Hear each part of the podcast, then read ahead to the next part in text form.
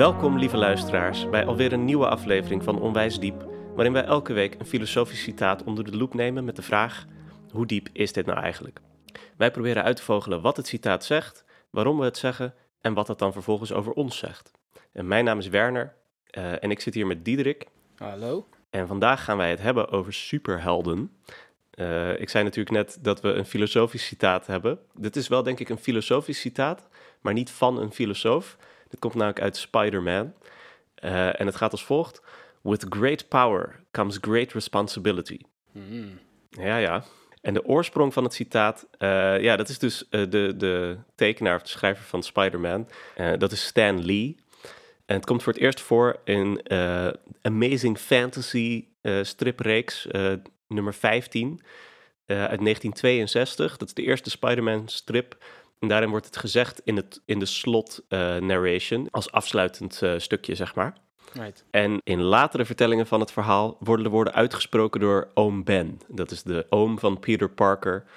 Uh, ik ken het zelf ook van de film met Tobey Maguire uit 2002. Daar geeft oom Ben een speech nadat Peter Parker, Spider-Man dus, een gevecht heeft gehad met iemand op school. En dan zegt hij iets van, ja, dat je hem in elkaar kan slaan, betekent niet dat je het ook moet doen. With great power comes great responsibility. Ah ja, ik denk dat ik hem misschien daar ook voor het eerst heb gehoord dan. Zo'n formatieve fase van je leven. Precies, ja. wat, uh, wat is onze eerste indruk uh, ervan? Ja, het is ook een beetje een, een, een, wijsheid van onze cultuur, voor mijn gevoel. Het is in ieder geval iets waar ik het heel makkelijk mee eens mm. ben. Of waarvan ik heel makkelijk denk, dat is inderdaad hoe het werkt. Maar mijn eerste vraag is wel, wat is dan die macht? Ja. Ja, ik denk dat het heel erg klopt wat je zegt, van dat het echt een onderdeel is van onze cultuur. Het is, het is bijna een principe van rechtvaardigheid of zo. Ja. Uh, ik dacht zelf aan uh, de sterkste schouders dragen de zwaarste lasten. Ja. Maar inderdaad, omdat we er alle kanten mee op kunnen, uh, en dat was waar, waar ik tegenaan liep eigenlijk in, in de voorbereiding, van hoe vertaal je power nou eigenlijk naar het Nederlands? Want je kunt het inderdaad hebben over kracht. Met grote kracht komt grote verantwoordelijkheid. Dan ben je dus echt aan het praten over iemand die uh, fysiek sterk is of zo. Maar zodra je over macht of autoriteit spreekt, dan heb je een heel ander gesprek ineens. Uh, en ik had bedacht dat het misschien goed is om te zeggen: uh, met groot vermogen komt grote verantwoordelijkheid. Nou, ik weet niet of je het met die vertaling eens bent. Ja, ik, ik denk ook, zeker omdat je als je probeert uh, om ook macht te definiëren, is dat heel moeilijk zonder ergens het woord vermogen te gebruiken. Het is toch wel een, hmm. een iets kunnen en, en, en een, uh, ja, en een kracht hebben, ook een superkracht zoals Spider-Man, is ook wel iets kunnen. Dus ik vind vermogen wel een goed, soort een algemeen begrip om dat allemaal ongeveer te vangen. Het dekt misschien niet alles, maar daar, nou ja, dat, daar komen we wel op. Ja, daar, daar komen we wel achter. uh, Oké, okay. zullen we dan even op, gewoon op de woorden van het citaat inzoomen, denk ik? Ja. Uh, ik zei net al vermogen uh, of power. Uh, laten we dat gewoon een beetje breder, breed opvatten van hoe, hoe kunnen we dat allemaal inkleuren? Goed, ja, waar zullen we mee beginnen? we hadden het even over, over macht. dat is natuurlijk ook, een, ook binnen de filosofie best wel een, een beladen en ingewikkeld begrip dat veel wordt gebruikt, maar waarvan ik ook niet altijd weet wat het nou inhoudt per, per denker. Ja, betekent dat andere mensen kunnen laten doen wat jij wil? Je wil aan andere mensen opleggen, bijvoorbeeld? Ja, ja, dat is een beetje de klassieke definitie van als je machtig bent, dan kun je andere mensen jouw wil opleggen. Ja, al is het dan ook weer, denk ik dan ook meteen dat het dan nog weer heel erg kan verschillen. Of dat je dan kunt analyseren waarom jij dat kan. Uh, bijvoorbeeld omdat je, want de macht wordt ook wel vaak uitgelegd als een beetje iets. Uh, psychologisch van dat andere mensen denken dat jij sterker bent en dat ze daarom maar doen wat jij zegt. Dus je hoeft niet eens echt uh, soort van rauwe fysieke kracht te hebben? Of, uh... Nee, precies. Maar het kan zijn dat je, dat je angst inboezemt, inderdaad. Of, of dat, dat je het volk op je hand hebt, waardoor je uh, de minister kan dwingen om een bepaald soort besluit te maken. Of als, als je een lobbyist bent, dan heb je waarschijnlijk ook wel macht. Uh, omdat je veel geld hebt. Ja, of veel contacten die, uh, waarmee je zomaar een uh, gesprek kan aanknopen. Mensen die je kent. Vriendjes hebben. Vriendjes hebben, ja. Uh, ja, dus dat kan heel, uit heel veel dingen bestaan, maar dan heeft dat allemaal wel te maken met een doel dat jij hebt gesteld, wat jij als het ware hebt bepaald. Dat jij zorgt dat andere mensen dat gaan uitvoeren. En niet zozeer andere mensen misschien zelfs, maar ook uh, kennis is macht, zeg maar. Dat is ook de beheersing van de natuur, bijvoorbeeld. Je hebt macht over de rivier wanneer je er een stuwdam in weet te bouwen. Of Ja, dat je het in de banen kan leiden die jij hebt bepaald. Ja, ik denk ook wel. Is dat dan hetzelfde als autoriteit? Uh, wat denk jij daarvan? Ik denk wel, want macht, dat heeft iets te maken met jouw, met die, ja, ik zei net jouw wil, dat je jouw wil aan andere mensen kunt opleggen. En autoriteit heeft meer iets te maken met dat je soort de collectieve wil vertegenwoordigt of zo misschien. Idealitair. Uh. Idealitair, ja, ja, klopt. Nou, dus, dus autoriteit, uh, uh, dat, heb je, dat, dat, dat heb je in die zin dat dus mensen als vanzelf doen wat jij zegt, zonder dat je hoeft te dreigen, maar gewoon omdat jij bijvoorbeeld weet hoe het in elkaar zit. Je bent als architect of, of zo, ben jij de autoriteit waar de, de bouwvakkers die met de stenen aankomen naartoe komen. Want jij hebt als het ware de visie van het overzicht. En jij zal dus wel op een coördinerende manier uh, uh, kunnen uitleggen wat, wat zij moeten doen. Maar ik denk niet dat die bouwvakkers ooit zullen zeggen: ja, die, die architect heeft macht over mij. Ja, want dan is het meer een kwestie van respect of zo. En, of dan gaat het een beetje in die richting van. Ehm, vertrouwen misschien zelfs. Vertrouwen.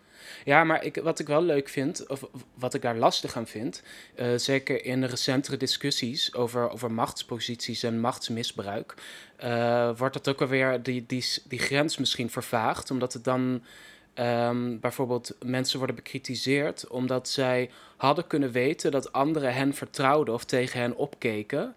En um, dat oh. zij daar verantwoordelijker mee om hadden moeten gaan, weet je wel? Uh, in de MeToo-discussies en zo, van oh ja, dat is een, een man van wie door de vrouw werd gedacht dat ze niet nee kon zeggen tegen hem, terwijl hij dacht dat hij gewoon een voorstel deed. Ja. Zo, dat is in ieder geval dan de, de, de het narratief zoals het verteld wordt. Ja, dus ik zou, uh, dat, dat blijkt dus dat iemand het vermogen had om iemand zijn wil op te leggen zonder dat hij dat zelf per se door had. Daar kan ik me nog wel iets bij voorstellen. Dan heb je wel macht. Maar ik weet niet of je dan autoriteit hebt. Ja, autoriteit kun je natuurlijk ook weer opsplitsen in verschillende vormen. Dus misschien moeten we daar. Uh, uh, ik denk dat we best wel een. Uh, dat het in ieder geval goed is om even gezegd te hebben dat die verschillende. Dat je zo'n onderscheid kunt maken. Zo zal, zal het in veel praktische gevallen dan weer een interpretatiekwestie van worden. Is hier sprake van macht of van autoriteit of van weet ik veel. Toch? Ja, ja, is goed. Wat vind je dan van die vertaling van, uh, die ik voorstelde van vermogen. Uh, want ik heb het idee dat dat nog iets breder gaat dan, dan alleen maar macht in de zin van andere mensen je wil op kunnen leggen. Maar vermogen heeft ook iets te maken met een soort van alle, alle sluimerende potenties die jij in je meedraagt of zo. Bijvoorbeeld een, een talent dat je hebt, uh, wat je... Uh, Spider-Man bijvoorbeeld, die is gebeten door een spin, die heeft nu allerlei vermogens en die kan hij inzetten of niet. Zeg maar, die, die, heeft een keuze om ze te gebruiken. Maar kan ook gewoon naar school gaan en, uh, en daar netjes studeren. En zo gebruikt hij gewoon zijn vermogen van uh, zijn hoge intelligentie of zo. Omdat hij uh, op MIT studeert, geloof ik. ja, precies. Dit, zo dacht ik, dacht ik er ook over van um, Spider-Man's vermogens als doordat hij door die spin is gebeten.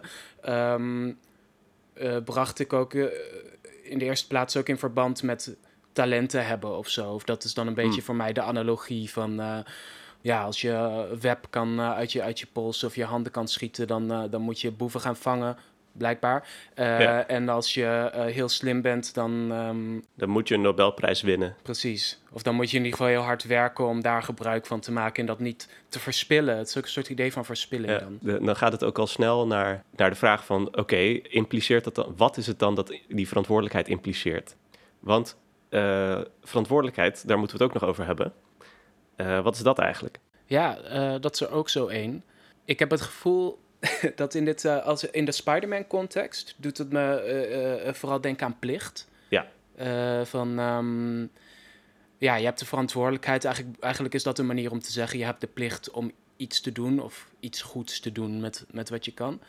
Um, maar ja, verantwoordelijkheid is natuurlijk een veel, ook een wat algemener begrip van bijvoorbeeld, uh, ja, je moet er verantwoorden voor wat je hebt gedaan. Uh, weet je, in de, in de context van hm. het beoordelen van mensen hun gedrag.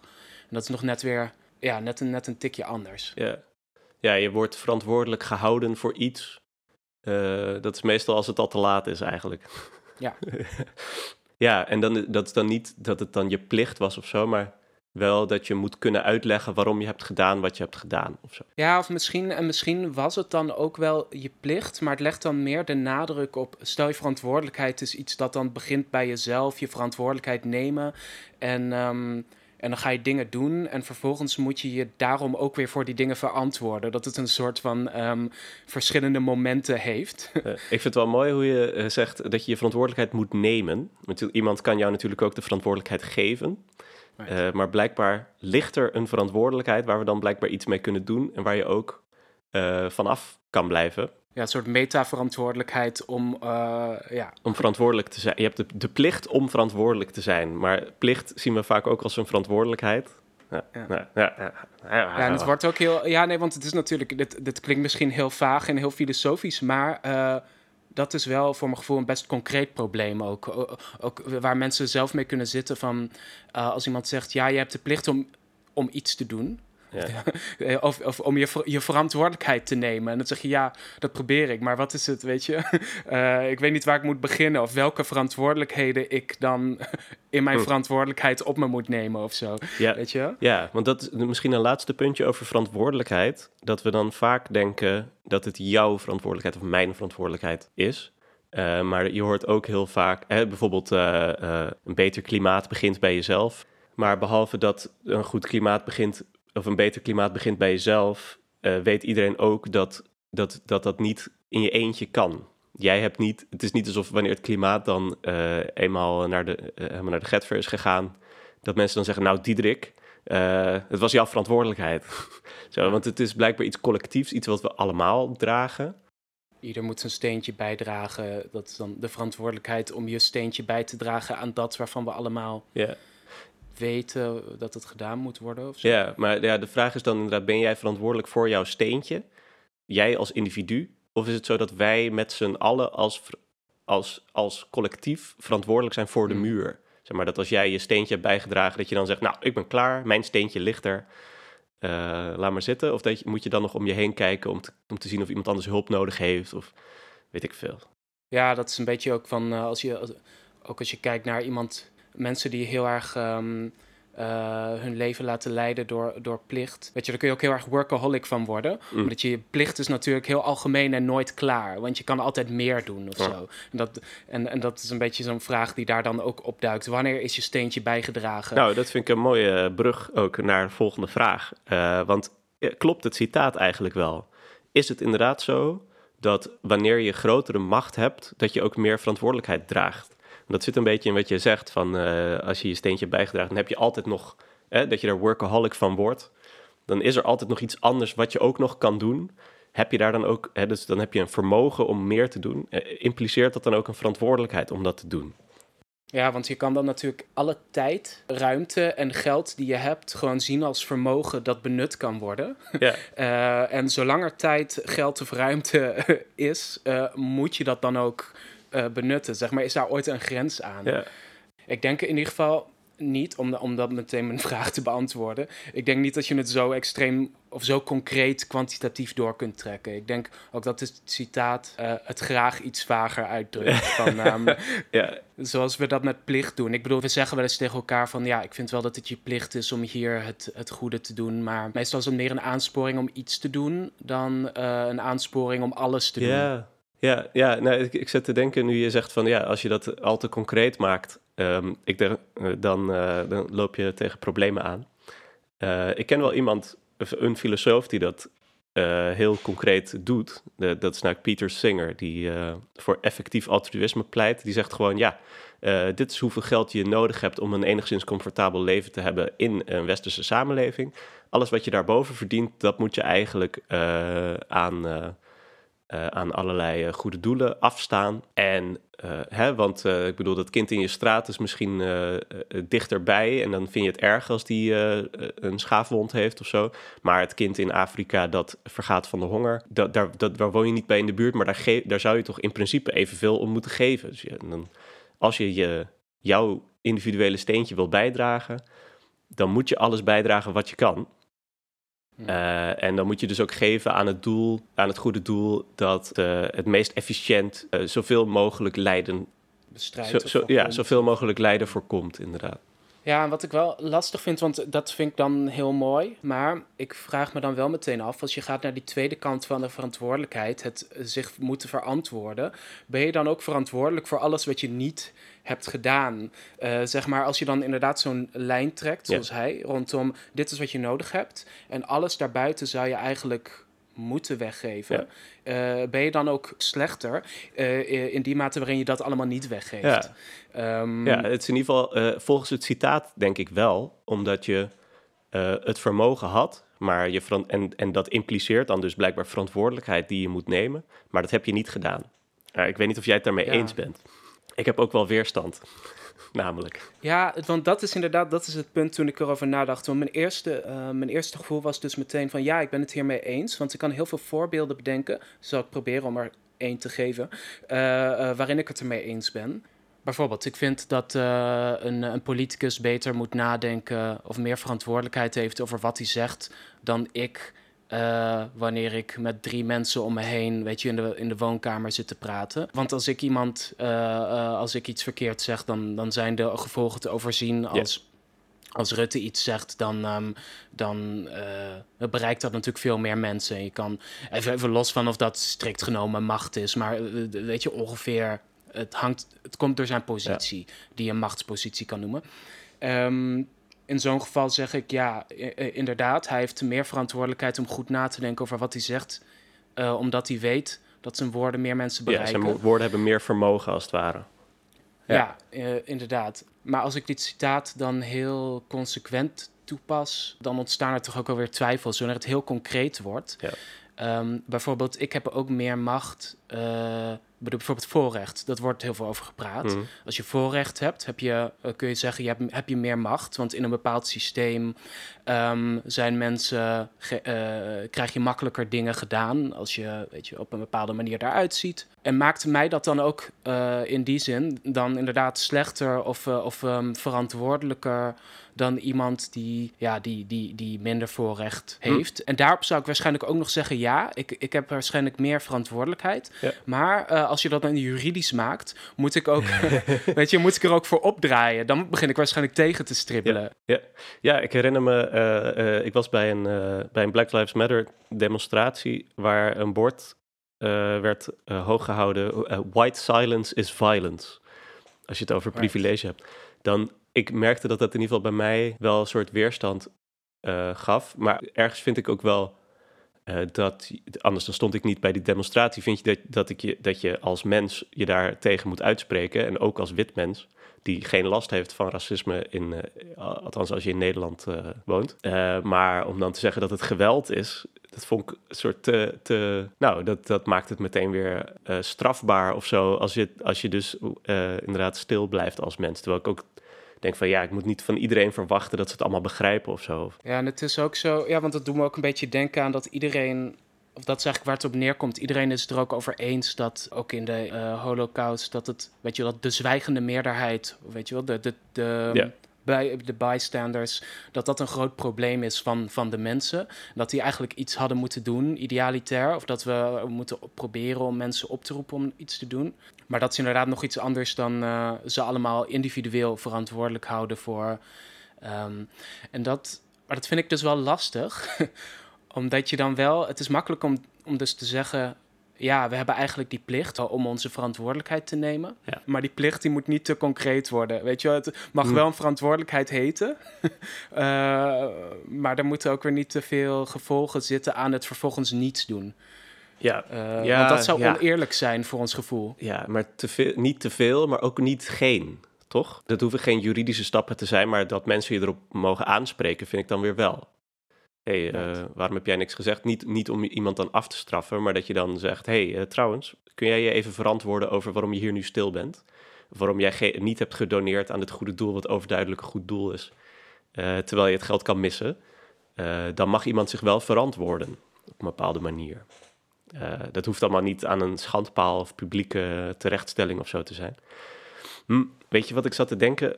Want de, eh, waar we tegenaan lopen is geloof ik het probleem van die collectieve verantwoordelijkheid vertalen naar individuele verantwoordelijkheid. Mhm. Eh, eh, ik zat te denken, dus je kan je voorstellen, iemand wordt beroofd of zo, of er wordt een misdaad gepleegd en uh, dat is zichtbaar voor een hele hoop mensen die op straat langslopen. En die hebben dan allemaal een soort van verantwoordelijkheid, of in ieder geval is er de verantwoordelijkheid om daar iets van te doen of de politie te bellen. Uh, en die hebben wij, uh, nou, en, en, meestal is er dan iemand die dat neemt. En op het moment dat iemand die verantwoordelijkheid neemt, dat hoeft maar één iemand te doen, want we hoeven niet allemaal de politie te bellen, maar de politie moet gebeld worden. Op het moment dat iemand die verantwoordelijkheid neemt, dan is het oké. Uh, en wat het lastige dan is van als er Spider-Man in je stad woont, is dat niemand die verantwoordelijkheid meer heeft. En dat Spider-Man namelijk die verantwoordelijkheid heeft, want hij heeft de great power. Uh, en, en wij allemaal niet. Dus ja, uh, waarom zouden wij dan wat gaan doen? Want het is duidelijk de taak van iemand die daar wel uh, goed wat aan kan doen. Het doet me wel een beetje denken, ik hoop dat dat, dat, dat dat voldoende aansluit, maar dat het me wel een beetje doet denken aan een twijfel die ik vaak, of iets waar ik vaak mee zit dat de regerende partij uh, uh, in Nederland graag zegt: um, ja, het moet wel vanuit de mensen zelf komen. Weet je wel, de Nederlander moet zelf aangeven wat hij belangrijk vindt. En dan denk ik: ja, ik wil mijn verantwoordelijkheid wel nemen, maar we hebben toch juist jullie om dingen te doen die ik niet kan doen. Weet je, we, hebben toch juist, we stemmen toch juist door partijen op hoog niveau, politiek niveau, om, om bijvoorbeeld wetgeving te veranderen. Uh, dat hebben we allemaal juist omdat ik het niet kan doen. Juist omdat ik die verantwoordelijkheid niet individueel kan nemen. Um, hmm. Dus het is ook een beetje altijd een soort. Um... Maar je denkt dat je je verantwoordelijkheid hebt genomen wanneer je hebt gestemd? Nee, niet. Nee. Dus uh, ik denk meer dat er sprake is van verschillende verantwoordelijkheden. Bijvoorbeeld voor mezelf denk ik dan. Bijvoorbeeld, oké, okay, minder vliegen. Uh... Anderhalve meter afstand houden, weet ik veel. Ja, ja. Uh, dat soort dingen wil ik wel doen. Dat is dan, zie ik dan wel als mijn verantwoordelijkheid, misschien zelfs mijn plicht. Um, maar wanneer dan de, de macht zegt, of iemand waarvan ik denk dat het de macht is, het moet uit, vanuit de meerderheid komen, of vanuit de mensen, of vanuit de individuen, dan denk ik, nee, wacht even, we hebben toch dit hele. Wat is jouw functie dan nog? Maar misschien drijft dat te veel. Uh, nou, het, is, het, het, is wel een duidelijke verwijzing ook weer naar, naar dit citaat, toch? Van uh, jij zegt, nee, jullie hebben toch de macht en dus de verantwoordelijkheid. Ja. En zij zeggen, nee, jij hebt toch de macht en dus ja. de verantwoordelijkheid. Hm ik, ik zit, uh, nu we het over het stemmen hebben en over politiek, zit ik te denken aan mijn eigen. En dat, dat is misschien ook wel uh, te koppelen aan dat white silence is violence idee. Dat maakt niet alleen maar een aanspraak op mensen die stil zijn. Uh, je zou kunnen zeggen, mensen die weten dat racisme gebeurt en toch stil zijn, hebben een grotere verantwoordelijkheid. En dat zei ik geloof ik net zelf ook. van je kan niet verwachten dat iedereen dat allemaal, daar allemaal bewust van is. Hè, mensen moeten ook gewoon werken en hebben hun eigen problemen. Uh, dan hoef je je niet allemaal te gaan lopen verdiepen in wat voor racisme er allemaal niet met andere mensen aan de hand is. Um, en dan kan ik je wel op een bepaalde manier, ga ik in ieder geval niet ruzie met je zoeken omdat je stil blijft. Want misschien weet je helemaal niet hoe erg het is. Ik weet zelf niet eens hoe erg het is, maar ik, ja, ik kan een beetje luisteren naar andere mensen en dan op basis daarvan beseffen dat het erger is dan je dacht, in ieder geval. Maar dat luisteren naar andere mensen en dat investeren en dus uh, ja, in zekere zin je verantwoordelijkheid nemen om kennis te nemen van wat eigenlijk nog meer je verantwoordelijkheden zijn. Uh, en dat, dat sluit ook een beetje aan op uh, dat idee van uh, als je gestemd hebt, dan ben je klaar. Je hebt een bepaald soort verantwoordelijkheid om je te informeren van de dingen die, waar jij al dan niet invloed op hebt. En ik denk dat dat een beetje aansluit op dat idee van vermogen, dat het een soort van sluimerend is. Hmm. Uh, dat je een bepaald soort onzichtbare vermogens hebt, uh, waarvan je nog niet weet of je inderdaad daar wat aan kan doen. En die zijn voor jouzelf ook uh, niet altijd duidelijk wat jouw talenten zijn, bijvoorbeeld. maar heb je dan een verantwoordelijkheid om te ontdekken wat je talenten zijn en, en die dan als het ware tot in hun grootste vermogen uit te werken? Kortom, heb je de verantwoordelijkheid om je vermogens te vergroten. Ja, ja dat, vind ik wel, dat vind ik wel mooi. Ik denk, eh, met de eerste helft ben ik het eens. Meer op een soort, uh, ik zou bijna zeggen, op een existentiële manier. Van, uh, dat je een soort verantwoordelijkheid hebt om te um, ontdekken wat je eigenlijk kan, überhaupt. Tenminste, ervan uitgaande, dus van de situatie waarin je extern van, van buitenaf in staat bent om iets te ontplooien of iets te ontdekken. Want, eh, dat je de tijd en ruimte, et cetera, hebt.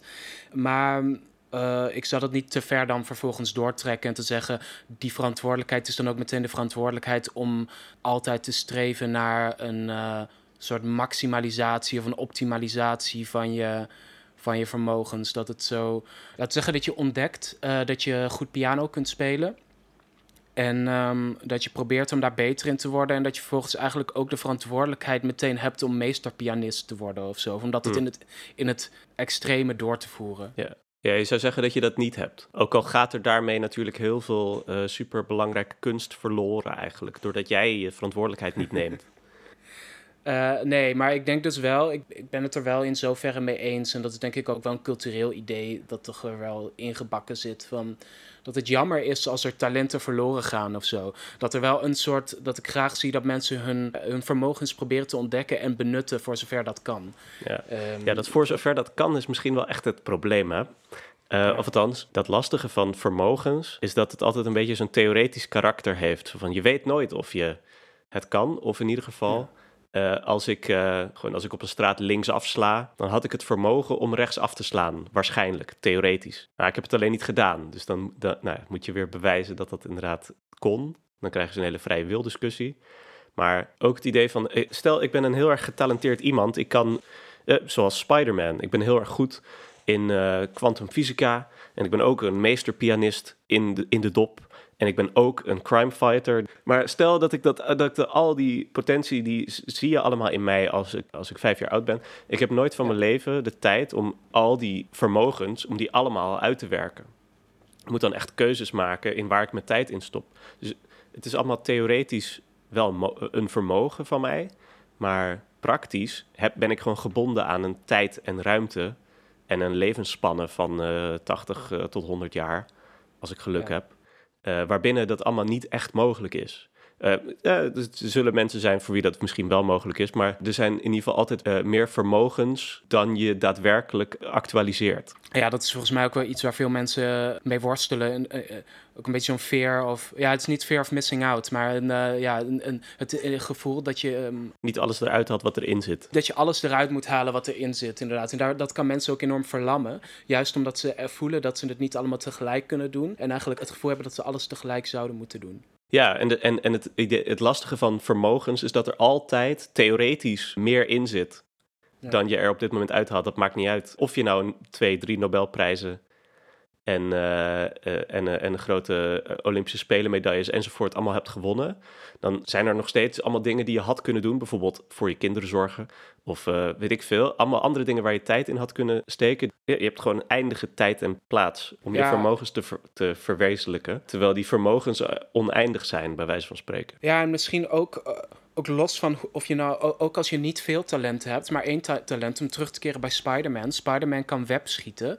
Uh, en de logische conclusie is dan vervolgens, oh, dus je moet misdaad bestrijden. Terwijl ook met één talent kun je heel veel verschillende dingen doen. Bijvoorbeeld als ik door een radioactieve spin gebeten zou worden en jij zou zeggen, Diederik, um, uh, nu heb je een grote verantwoordelijkheid, dan bedoel je daar waarschijnlijk mee, ga naar een lab en kijk wat de medische toepassingen zijn van dat web dat jij kan schieten ja, of zo. Ja, en dan heb je de verantwoordelijkheid om daar elk jaar heel veel aan te doneren of, of zo, weet ik veel. Dus uh, er kunnen ook verschillende plichten uitvolgen of zo. Ja, ja, je hoeft inderdaad niet veel talent te hebben, maar het is wel zo dat er altijd meer mee mogelijk is dan je hebt gedaan. Ja, precies. Oké, dat is wel heftig.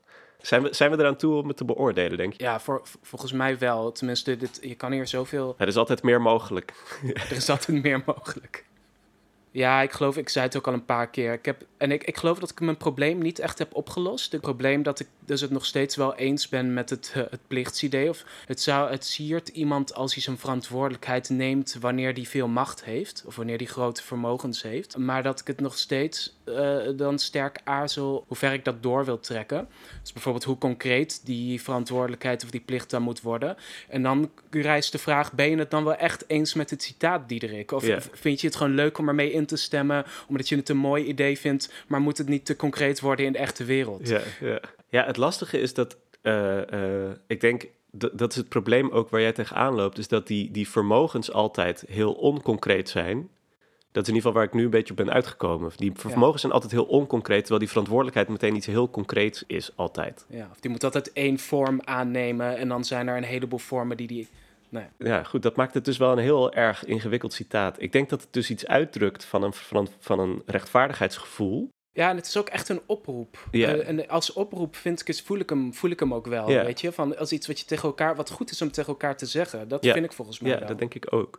Zo van, het is, het is belangrijk om uh, inderdaad je eigen vermogens soort van te kennen. En, daar, en, en het is ook denk dat, dat je daar gewoon, dat je dat wel gewoon mag zeggen. Je moet daar ook wat mee doen. Je hebt wel een verantwoordelijkheid tegenover je medemens of, of de natuur of zoiets. Maar die vloeit volgens mij niet voort in een directe lijn uit je vermogens. Want dat, dat kan niet, want die vermogens zijn theoretisch. Terwijl die verantwoordelijkheden dat noodzakelijkerwijs niet zijn. Ja, dus het, is, het blijft iets wat echt altijd extra interpretatie nodig heeft. Zeker nu, want dit citaat werkt in die zin natuurlijk het makkelijkst of het meest kalmerend in een cultureel kader waarin heel duidelijk is wat iemands plichten zijn, al vooraf. Ja. Als je dan bijvoorbeeld geld of een machtspositie verwerft, dan is heel duidelijk wat iedereen vindt dat je daarmee zou moeten doen. En dat is bij ons nooit het geval. Weet je wat wel? Eh, want als je hem omdraait, dan is het natuurlijk wel, dan is hij wel gewoon heel helder. Dan zeg je, had ik daar de verantwoordelijkheid voor of niet? Uh, in ieder geval, stel dat je ergens verantwoordelijk voor wordt gehouden en jij kan aantonen dat jij het vermogen helemaal niet had om daar iets aan te doen, dan klopt het wel. Verantwoordelijkheid verdwijnt wanneer de vermogens verdwijnen, maar andersom werkt, is eigenlijk te erg. Dan, dan kom je vanzelf uit op een soort van Peter Singer probleem. Oké. Maar is hij dan diep? Uh, ik vind hem wel diep. Ik vind, omdat hij wel echt ook uitnodigt tot een soort reflectie op je, um, waarom je dan eigenlijk uh, verantwoordelijk bent of, of, of een plicht hebt. En na te denken over je vermogens en hoe je die kunt benutten. Ja, ik zou hem ook wel erg diep noemen denk ik. Want uh, volgens mij, het spreekt dus een heel basale intuïtie aan van een soort rechtvaardigheidsgevoel. En inderdaad, tegelijkertijd is het een soort motiverende oproep als je hem voor jezelf serieus neemt. Dat je denkt, oh ja, ik moet iets doen. En hij wordt meteen heel ingewikkeld. Dat vind ik ook wordt meteen heel ingewikkeld. Ja, ja. dus ja. Ik, ik, geef hem denk ik wel een 8. Zo, ja? Niet hoger? Ik heb natuurlijk politieke filosofie gestudeerd. Dus dan vind ik hem daarvoor vind ik hem echt heel belangrijk. Uh, ik denk dus wel echt aan een 9 of een 9,5. Um, ik wil wel, uh, ik wil wel naar een 8,5 dan. Oké, okay, nou vooruit. 8,5. Het volk uh, heeft gesproken. Ja. oh, mooi. wat, uh, wat gaan we volgende week bespreken? Uh, volgende week een uitspraak van Seneca. Als je niet weet naar welke haven je vaart, is geen enkele wind gunstig. Zin in. Ben benieuwd. Hey, bedankt voor het luisteren en hopelijk tot de volgende keer. Tot de volgende keer.